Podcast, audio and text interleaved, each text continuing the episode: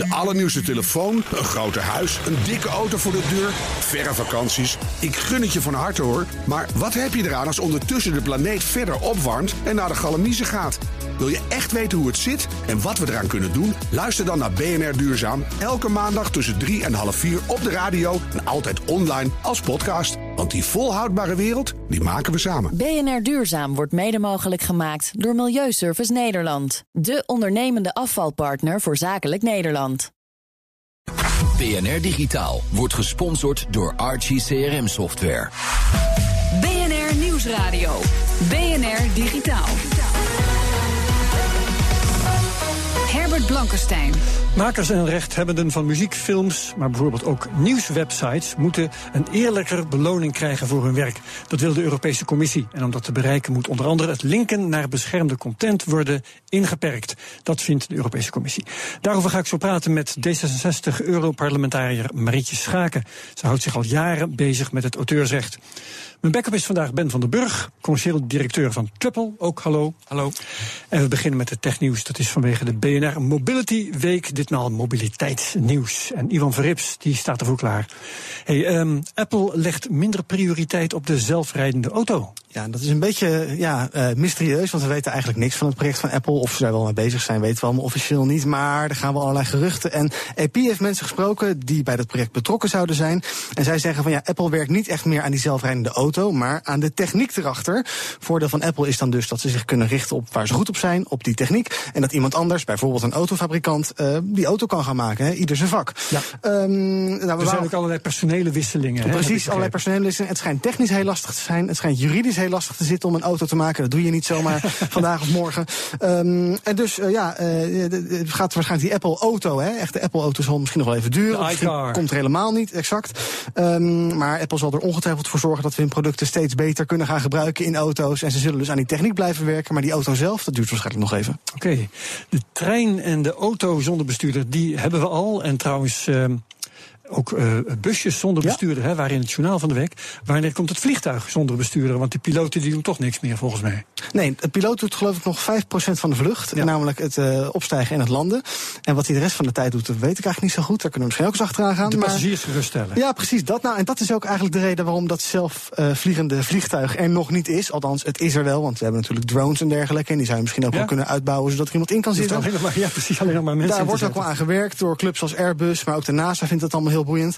Um, maar goed, ja, die piloten zitten er nog steeds in. En het is eigenlijk, blijkt uit Amerikaans onderzoek, omdat wij er niet in willen in zo'n zelfvliegend vliegtuig.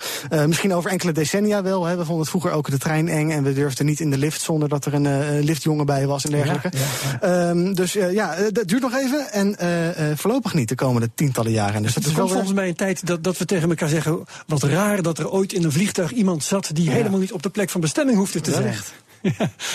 Google Maps lijkt eindelijk een snelheidsmetertje te krijgen. Ja. Dat wil zeggen een aanduiding van de maximumsnelheid. Precies, en ook ja. hoort je zelf rijdt. En als je daar dan overheen gaat, dan gaat hij misschien wat pingelen. Mm. Heel veel apps hebben dat al. Um, uh, en heel veel mensen gebruiken Google Maps, dus die hebben dat dan nog niet. Um, en die app is eigenlijk best heel fijn, hè? Google Maps. Je mist alleen wel dat ene ding.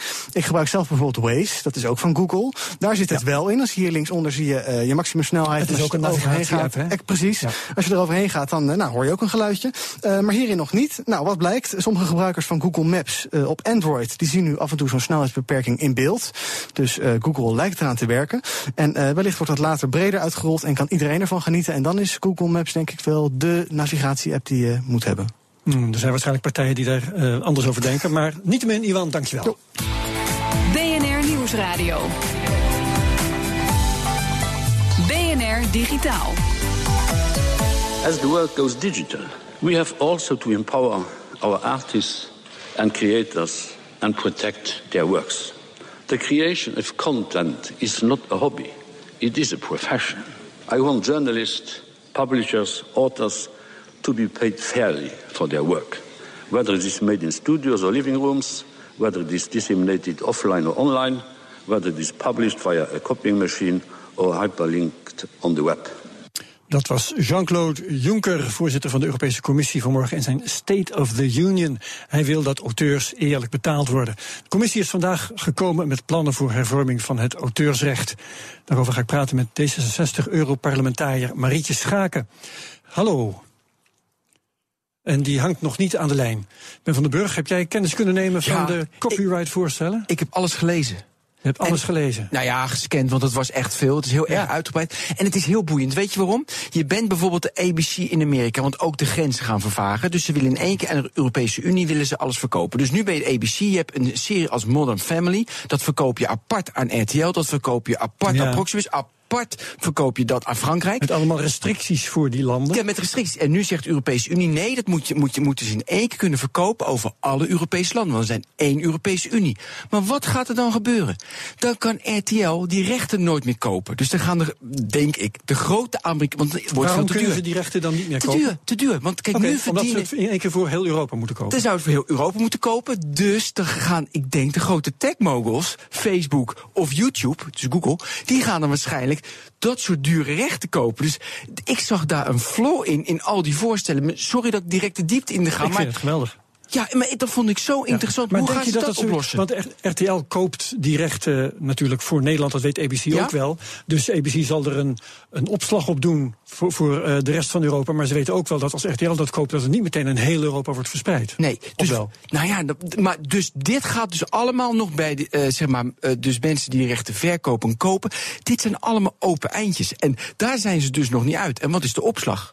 En dan nu eh, even Marietje Schaken, want die hangt inmiddels. Ehm, ben van den Burg pikt er meteen het, het verhandelen van rechten voor televisieuitzendingen uit, eh, Marietje. Maar wat zijn volgens jou de belangrijkste voorstellen? Nou, het is natuurlijk sowieso belangrijk dat we vaart maken met de digitale interne markt. Zodat mensen in heel Europa toegang tot nieuws en sport en films kunnen hebben, ook over de grens heen. Ja. Eh, zowel op televisie als, als online. Maar wat zijn de belangrijkste Ehm, voorstellen? Nou, in de voorstellen eh, zijn meer uitzonderingen voor eh, het publieke belang. Dus toegang voor mensen met een handicap, voor musea en archieven, scholen en onderzoekers. Dus eh, dat is denk ik goed. En er wordt ook geïnvesteerd in cultuur en creativiteit. Maar er wordt ook een hele stevige eh, ja, heel stevig voorstel gedaan om eh, nieuwsberichten en uitgevers voor 20 jaar rechten te geven.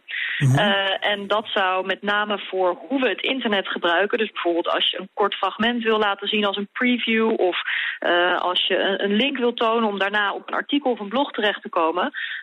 Ja, dat zou misschien niet meer kunnen tenzij je betaalt. En het grote probleem is dat natuurlijk grote platforms, zoals het genoemd wordt, zoals eh, Google, dat nog wel zouden kunnen afkopen, maar eh, kleinere bedrijven en innovatieve diensten niet. Dus dit is echt iets waarvan ik denk dat is een stap terug in de tijd in plaats van naar de toekomst. Ja, maar voor eh, links en, en citaten en dergelijke is nooit geld gevraagd. Dus dat is geen stap terug in de tijd.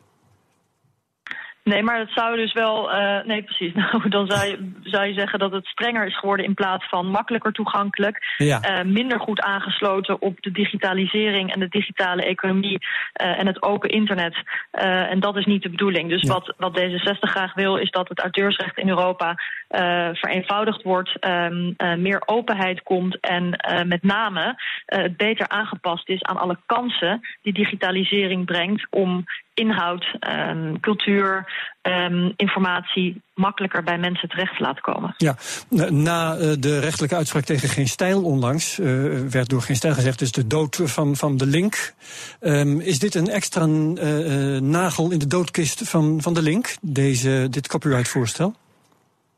Nou, als het aan mij ligt niet. Eh, het Europees Parlement eh, gaat er gelukkig ook nog over. Maar dit voorstel is heel duidelijk het resultaat van de lobby eh, van de uitgevers. En je ziet dat er ja, door gevestigde orde, of het nu telecombedrijven zijn of uitgevers of de platenmaatschappijen, dat er heel erg wordt gekeken hoe zij hun verdienmodellen overeind kunnen houden. Terwijl het natuurlijk de taak is van de commissie en van ons in het Europees Parlement om te kijken naar hoe je principes zoals eerlijke concurrentie, maar ook toegang tot informatie zonder discriminatie en vrije meningsuiting eh, op het internet in stand kan houden. En wij gaan niet Ja. kijken naar welke verdienmodellen bewaard moeten we- blijven. We moeten kijken naar hoe we ervoor zorgen dat onze wetten relevant en uitvoerbaar zijn in het algemene belang in de digitale tijd. En zoiets als eerlijke concurrentie wordt ermee niet gediend met het voorstel? Nee, want als je, als je stel hè, dat het inderdaad zo is dat elk nieuwsbericht eh, ehm, voor 20 jaar auteursrecht heeft. En ehm, grote platforms zoals zoekmachines eh, of eh, sociale media zoals Facebook kunnen dat wel afkopen in grote deals met uitgevers, zodat zij wel uh, die informatie kunnen ja, laten zien. Ja, dan is dat minder toegankelijk voor, voor kleine bedrijven. En ook niet goed voor de internetgebruiker. Want het wordt zo langzamerhand uh, uh, dan een internet van hele grote bedrijven... in plaats van een internet waar de gebruiker en openheid... en het algemene belang voorop staat. Ja, dat is duidelijk. Um, dit is een voorstel van de Europese Commissie. Hoe is de procedure verder? Want het duurt meestal jaren, hè? Het, uh, het, duurt soms uh, inderdaad erg lang, maar wij gaan er in het Europees Parlement in verschillende stukken uh, ook over. Want het zijn voorstellen die in verschillende ja, parlementaire procedures voorbij komen. Maar wij zullen zeker gaan kijken naar wat voor, voor mensen die wij vertegenwoordigen belangrijk is. Ja, maar ik bedoel en, eigenlijk, wat, wat gaat er nu gebeuren? Nee, maar er gaat over gestemd worden binnenkort. Door wie? Om te beginnen? Nou, het wordt dan natuurlijk ook geamendeerd, hè, zoals wij dat noemen. Dus aangepast via voorstellen om de tekst te verbeteren. En uh, daar moet het Europees Parlement dan over stemmen. En daarna komen er onderhandelingen uh, tussen de commissie en het parlement... en uh, de vertegenwoordigers van de, de, regeringen van de lidstaten van de EU... om te kijken waar, ja, waar de wet naartoe gaat volgens ieders ja. wens. Dus het wordt vast een nou, hard politiek getouwtrek. maar daar zijn we hier aan gewend. En dat heeft bijvoorbeeld bij netneutraliteit wel tot goede resultaten geleid. Oké, okay, nou, we, gaan, we kunnen het er nog lekker vaak over hebben. Hartelijk dank, D66-Europarlementariër Marietje Schaken. Zometeen in BNR Digitaal hoe je hardnekkige e-mailreclame ook aan kunt pakken. BNR Nieuwsradio. BNR Digitaal. Unsubscribe-linkjes onder reclamemail, dat werkt doorgaans prima, maar niet altijd. Ontdekte redacteur Ivan Verrips. Reclamemails, we kennen ze allemaal. Albert Heijn, Amazon, Zalando, luchtvaartmaatschappijen, kranten enzovoorts enzovoorts. Je wordt er gek van. Zo ook comedian James Veitch. I just know that I get too many marketing emails. I got uh, a marketing email from a, supermarket firm which uh, will remain nameless for predominantly legal reasons, but which I'm going to call uh, SafeMart. I got an email from them and it said, it went like this. It said, um, just three weeks until SafeMart at King's Cross opens. And I resented this because not only do I not remember signing up to that, but I, I resent the fact that they, they appear to think that I should be excited about a shop opening. Dus Veitch schrijft zich uit voor de mails. Meestal kan dat onderaan de mail en dat werkt doorgaans best goed. Maar je raadt het al, nu niet. But a week later I got another one that said, just two weeks until Safe Mart at King's Cross opens. And I thought, well, obviously I haven't clicked hard enough, right? So I, I tried it again, right? Lo and behold, a week passes, you guessed it. Just one week. De unsubscribe-knop werkte blijkbaar niet en dus waren er andere stappen nodig. And I was really annoyed with them, and I thought, okay, I should just. I was about to write a strongly worded email, which I can do quite well. and I thought, no, I'm going to find the game. So I replied to it, and I said, I literally cannot wait. What do you need from me? En daarop volgde een fascinerende conversatie. They go back to me. This guy called Dan said, "Hi James, I've asked a colleague to help me with your query. like it needs help." I said, "What's the plan, Dan?" I'm thinking fireworks, bouncy castle. I'm not sure what you mean. I said, "I'm just tremendously excited about the opening. Do you want to put the bouncy castle or shall I?" He said, I, th I think you have misunderstood. A new store is opening, but there is no celebration plan. Maar daarna werd het zakelijk. I'll be honest, uh, then my relationship with Dan deteriorated somewhat because the next email I got was this. Thanks for your email, your case number is... Maar dat was voor James Veitch niet het einde. Elke mail die hij stuurde werd automatisch beantwoord met een case number. En James begon die mails te beantwoorden met een eigen case number. En zo waren James Veitch en Walmart, of uh, pardon, uh, Wallstar continu heen en weer aan het mailen. It was, it was lovely. But to be honest, guys, it was quite labor intensive. And so uh, what I did is I have a little, uh, I have a little um, uh, email auto replier program. And what I did is I set it up so every time it receives an email from SafeMart, it just pings one back, right? So I set it up and it, it says, thanks for email, your case number is, and then it has a little formula that I wrote uh, to up the case number every time. And I put it on the server and set it running. I'll, I'll be honest, guys, then, then I forgot about it. I checked back on it the other day, uh, and it appears um, there being a number of emails going uh, back and We're on 21,400. Misschien is het gebruik van zo'n no-reply mailadres nog geen eens zo'n heel gek idee. En het hele verhaal van James Veach kun je vinden op bnr.nl slash digitaal. BNR Nieuwsradio. BNR Digitaal. Chromebooks zijn laptops die niet op Windows of macOS draaien, maar op Google's eigen Chrome OS. Ze worden in de VS nu meer verkocht dan laptops van Apple. En binnenkort is de Chromebook helemaal klaar voor de revolutie. Dan kan je ermee ook apps uit de Google Play Store downloaden, Android-apps. En dat betekent dat Google ook zal aanbevelen dat Chromebooks worden uitgerust met aanraakschermen, bewegingssensoren en andere dingen die we kennen van smartphones. Die groeien dus naar elkaar toe. Over de Chromebook en het succes ervan ga ik praten met Rashid Finge. Woordvoerder van Google Nederland. Goedemiddag. En Frank Everaert van Hardware Info. Ook hartelijk welkom. Je hebt heel veel uh, Chromebooks getest. En je hebt er ook één bij je. Daar gaan we zo naar kijken. Eerst even vragen aan Rashid. Vanaf wanneer kan ik nou die Android-apps downloaden op mijn Chromebook? Heel even geduld. Nog een paar weken. En dan weken. krijgen de meeste Chromebooks die de laatste twee jaar zijn uitgekomen een update. Waardoor ze inderdaad Android-apps kunnen draaien. Er is nog geen dikke stip gezet in, in jouw agenda? Uh, nee, ik weet niet precies wanneer die is inderdaad, die stip. Maar hij gaat er zeker komen. Oké. Okay. Um, waarom vinden jullie dit een goede stap? Wat verwachten jullie daarvan? Nou, we willen Chromebooks nuttig maken voor iedereen. Je ziet inderdaad dat het in de VS beter verkoopt uh, dan Macs van Apple op dit moment. Zeker in het onderwijs gaat dat heel erg goed. Uh, en we willen bijvoorbeeld ook graag dat uh, bedrijven er goed mee kunnen werken. Heel veel gebeurt natuurlijk al op het web. Dus alles wat je met een Chromebook op het internet kan doen, ja, daar kom je al een heel eind mee vooruit. Maar door ook Android-apps te kunnen draaien, is er natuurlijk een veel grotere markt aan applicaties die je op die laptop kunt draaien. Neem bijvoorbeeld Microsoft Office of Skype. Veel gebruikte applicaties in het bedrijfsleven. En die komen dan ineens tot leven op een Chromebook. Ja. Ben, heb jij een Ben van den Burg? Heb jij een Chromebook? Nee, heb ik niet. Ik heb hem zelfs nog nooit getest. Ik heb er natuurlijk wel veel over gelezen. En ja, voor mij is het uh, hartstikke mooi voor een bepaalde doelgroep. Goedkoop, scholen, hartstikke mooi. Maar voor, voor echt hardcore usage, wat je gewoon veel, uh, dus veel, veel processorsnelheid, ja, is het denk ik. En altijd online vind ik ook een gedoe, want wifi hebben we overal, dat weet ik. Maar hoe vaak ik nog even een hotspot moet maken met mijn telefoon 4G, ook vaak. Dus uh, dat maakt op zich natuurlijk niet uit, maar ik, ik, nee, nee, ik ga er nog niet aan beginnen. Weerwoord van Rashid? Ja, er zijn wel een hoop verbeteringen die er aankomen. Bijvoorbeeld straks dat je via de, de Gmail-app gewoon offline je e-mail kunt doen. Alvast berichten kunt schrijven die ja. dan verzonden worden zodra je weer een netwerkverbinding hebt.